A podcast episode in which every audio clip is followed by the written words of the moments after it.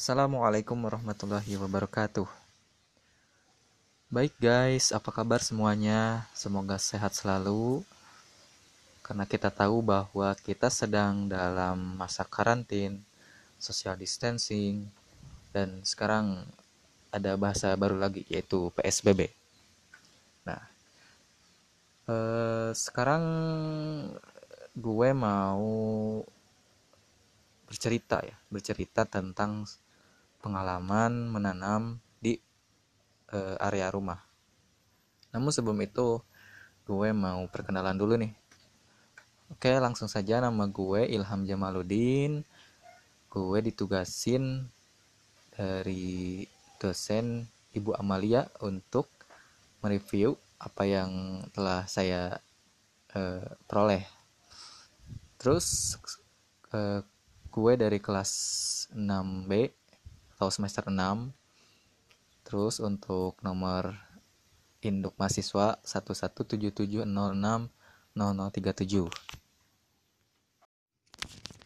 Adapun yang akan saya jelaskan yaitu di antaranya yang pertama saya akan menjelaskan pengalaman penanaman di rumah tentang media tanam.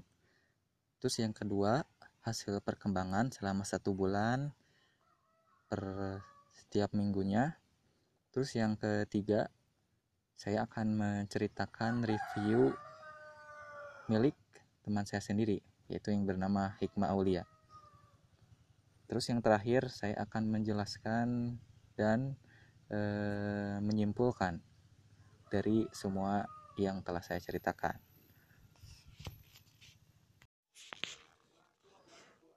Judul yang gue bawakan dari praktikum kali ini yaitu budidaya tanaman bawang daun menggunakan ZPT alami lidah buaya. Nah, kenapa harus lidah buaya? Karena eh, gue itu pengen menggunakan bahan-bahan yang ada di sekitar rumah berupa eh, lidah buaya untuk ZBT alami.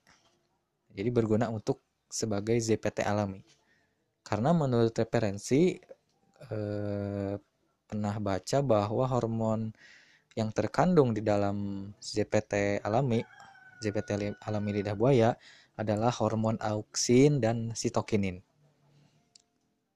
Nah, eh, hormon ini dapat membantu untuk penambahan akar dan pembelahan eh, sel. Jadi dapat mempercepat pertumbuhan. Baik, sekarang gue akan menjelaskan tentang hasil dan perkembangan selama satu bulan. Nah, jadi pada tahap pertama itu, eh, gue itu menyiapkan media tanam berupa tanah, eh, arang sekam bubuk, dan kotoran ayam. Nah, jadi perbandingannya itu 2 1 1. Nah, setelah itu gue menyiapkan eh, bawang merah. Jadi bawang merahnya itu dipotong supaya daunnya muncul. Nah, selain itu disiapkan juga lidah buaya jadi lidah buaya dipotong lalu setelah itu bawang daun dimasukkan ke dalam daging lidah buaya dan didiamkan selama satu minggu. Setelah satu minggu e, muncul pada tanaman pertama yaitu tumbuh akar. Nah akarnya itu lumayan cukup banyak dan e, putih. Nah untuk tanaman kedua e, belum memunculkan akar. Baru hanya tunasnya saja Nah, lanjut ke minggu ketiga dilakukan pengamatan yaitu eh, maksud saya minggu kedua dilakukan pengamatan parameternya itu tinggi tanaman dan jumlah daun. Nah, pada minggu kedua tinggi tanaman untuk tanaman pertama itu 11,5. Untuk jumlah daun eh, 5, 5 buah. Untuk tanaman kedua tinggi tanamannya itu 1 cm dan untuk jumlah daun hanya 3. Nah, itu. Jadi lumayan ada peningkatan e, dari tidak ada daun jadi ada daun sampai 11 cm. Lanjut ke pengamatan ketiga. Nah, ini pada pengamatan ketiga e, terjadi penambahan tinggi tanaman kembali yaitu sampai 21 cm. 21 21,5 cm. Nah, untuk jumlah daun mencapai 15. Nah, itu. Terus untuk tanaman kedua, tinggi tanamannya itu 5 cm dan untuk jumlah daun hanya 3. Jadi untuk tanaman kedua tidak ada penambahan jumlah daun. Nah, itu. Terus untuk pengamatan terakhir eh, tanaman atau tinggi tanaman yang pertama itu adalah 23 cm dan untuk jumlah daun hanya 10. Nah, jadi ada pengurangan dari 15 maksud saya dari 15 sampai 10. Eh, jadi 10 maksudnya. Nah, hal ini dipengaruhi oleh kondisi cuaca di sekitar rumah saya atau di daerah saya yang masih tinggi intensitas hujannya.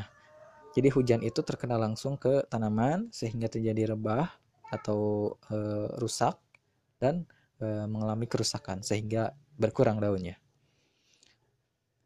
Sayangnya untuk tanaman kedua terjadi kematian karena mungkin e, tanaman itu tidak dapat kuat lagi untuk tumbuh karena kondisinya kecil dan terkena penyakit.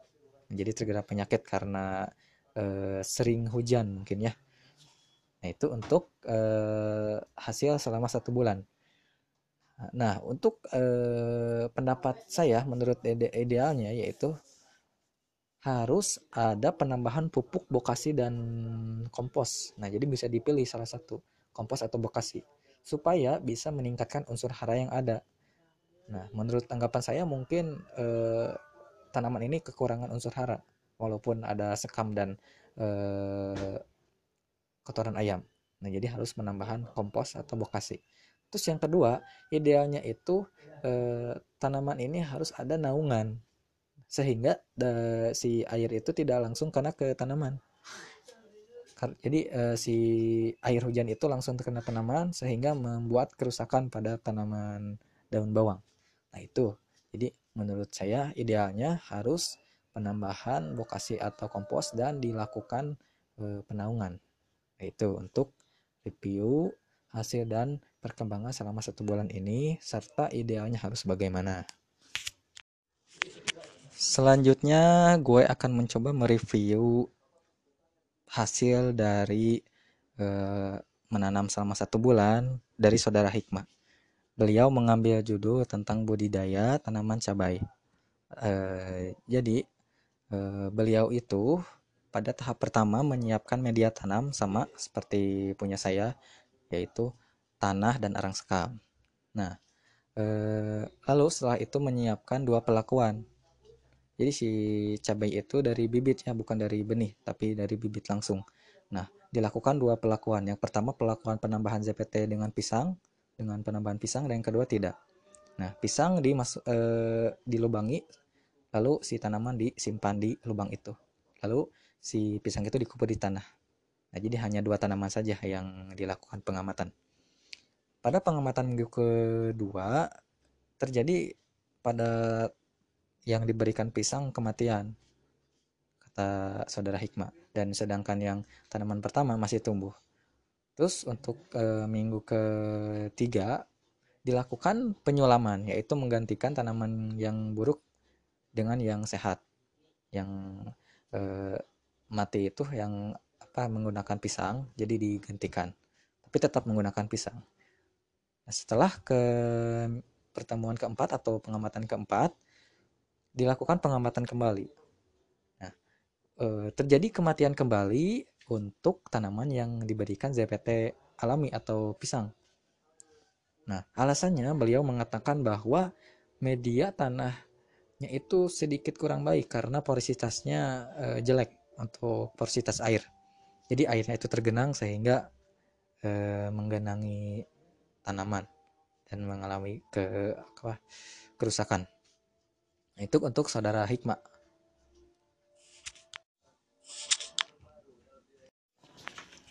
Baik, kita akan simpulkan.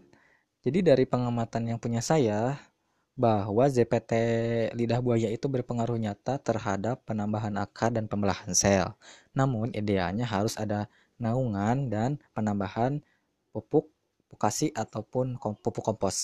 Nah, untuk saudara Hikmah karena terjadi sering kematian ya, terjadi kematian terus-menerus, eh, idealnya itu harus Eh, menggunakan tanah yang gembur sehingga porositas tanahnya itu baik.